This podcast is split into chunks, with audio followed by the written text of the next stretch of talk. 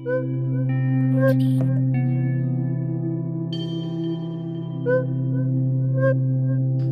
is niet alleen aan de mens besteed. Martien van Achtmaal over liefde diep in de zee. Ik zeg het maar meteen. De laatste maanden waren een kwelling. Terwijl iedereen genoot van de lente, heb ik op haar gewacht. Tot halverwege de zomer torste ik een onrust met me mee, die me ieder getij tot waanzin dreef. We hebben niet over iets leuks, maar over liefde, die totaal overrompelende, once in a lifetime, ongrijpbare, maar allesverterende liefde. Liefde op latere leeftijd, ook dat nog eens. De liefde waarvan je niet wist dat je ertoe in staat was. Ik weet dat ik niets bezit en maar kort leef, dus niks houdt me tegen mezelf alles toe te eigenen. Wanneer die gedachte voor het eerst in me opkwam, ik weet het niet. Waarschijnlijk tijdens een kort verblijf aan de oppervlakte, ergens waar de stroming me op dat moment gebracht had. Het zal tussen de kalkus van Zuid-Engeland en de zandstranden van Normandië geweest zijn, of verder in de Noordzee, het territorium van ansjovis, mossel en kwal. Die laatste is een soortgenoot van me, heb ik begrepen. Een soortgenoot met status. Waar hij komt, wordt hij gezien en gaan instincten tekeer. Ook al is de kwal niet veel meer dan een overdreven grote doorschijnende massa slijm.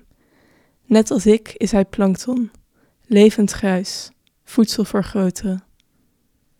Allang ben ik de energie kwijtgeraakt om me nog op te winden over dat verschil in aanzien. De enige vorm van trots die ik me nog toesta, is weglating van het diminutief dat aan mijn naam vastgegroeid zit als een koppige wrat.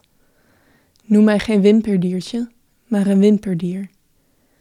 Al is alles en iedereen om me heen kolossaal, daarom is het nog niet nodig continu gekleineerd te worden. Niet dat ik denk dat fysieke grootte daadwerkelijk iets uitmaakt. Wat heeft een walvis aan zijn massa als hij uitsterft? Een omvang die groter is dan de mazen van een sleepnet maakt je alleen maar kwetsbaar.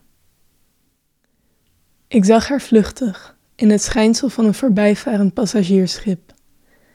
Uit de patrijspoort is geen gelig licht, aan dek gloeiden oranje puntjes boven de reling.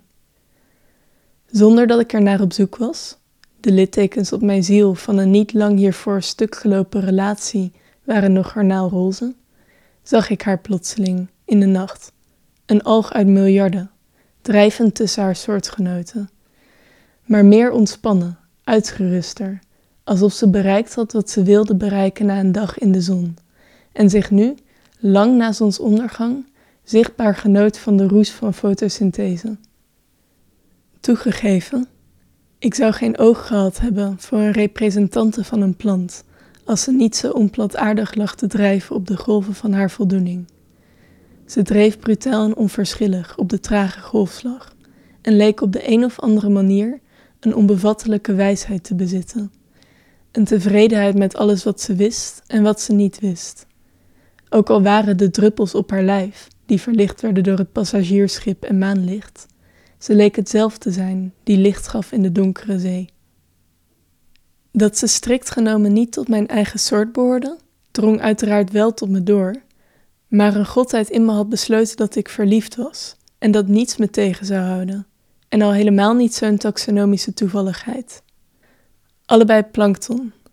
Ik zoo, zij Vito, van een centimeter afstand zie je het verschil echt niet. In één oogopslag was het me duidelijk. Mijn toekomst had zich gewijzigd.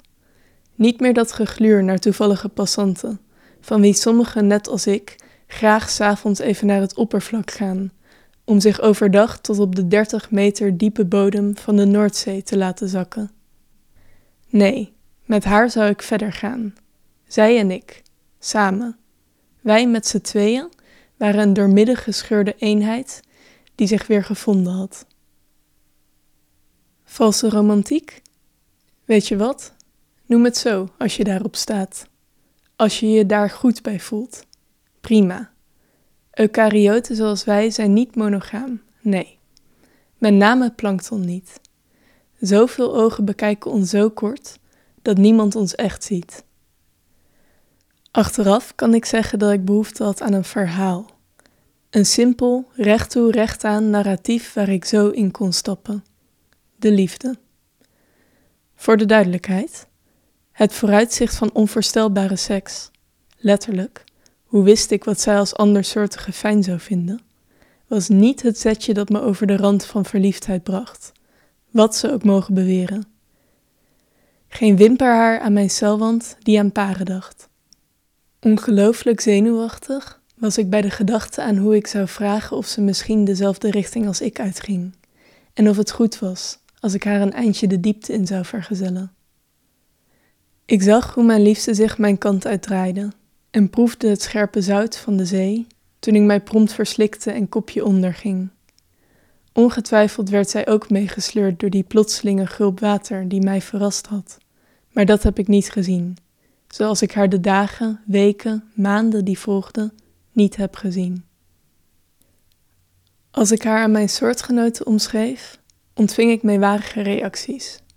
Wat moest ik met een plant? Er zat weinig variatie in het onbegrip. De ene figuur die me langer aanhoorde dan de rest, bleek een klap van een schroep gekregen te hebben. Ik moet bekennen dat ik na twee maanden ophield naar haar te vragen.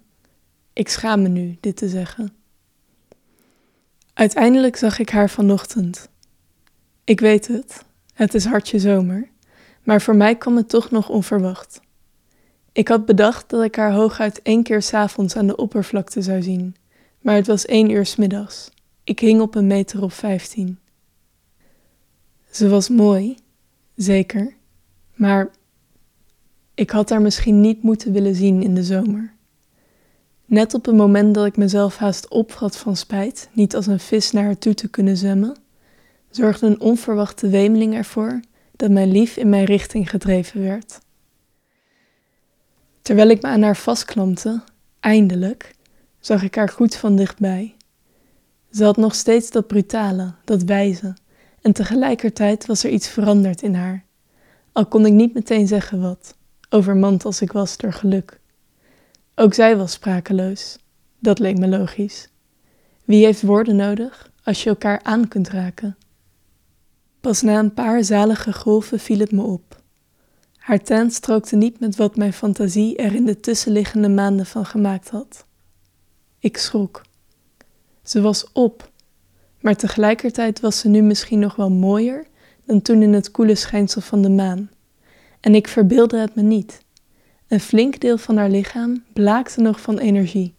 En door onze innige omhelzing verzekerde ik me ervan dat ze, zij, mijn wederhelft, met me wilde samensmelten.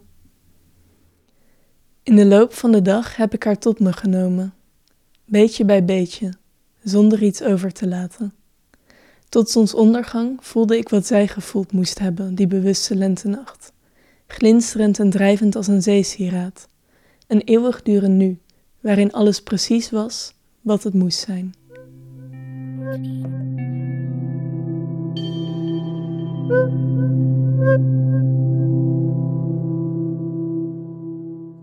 Dit verhaal werd voorgelezen door Charlotte Duistermaat.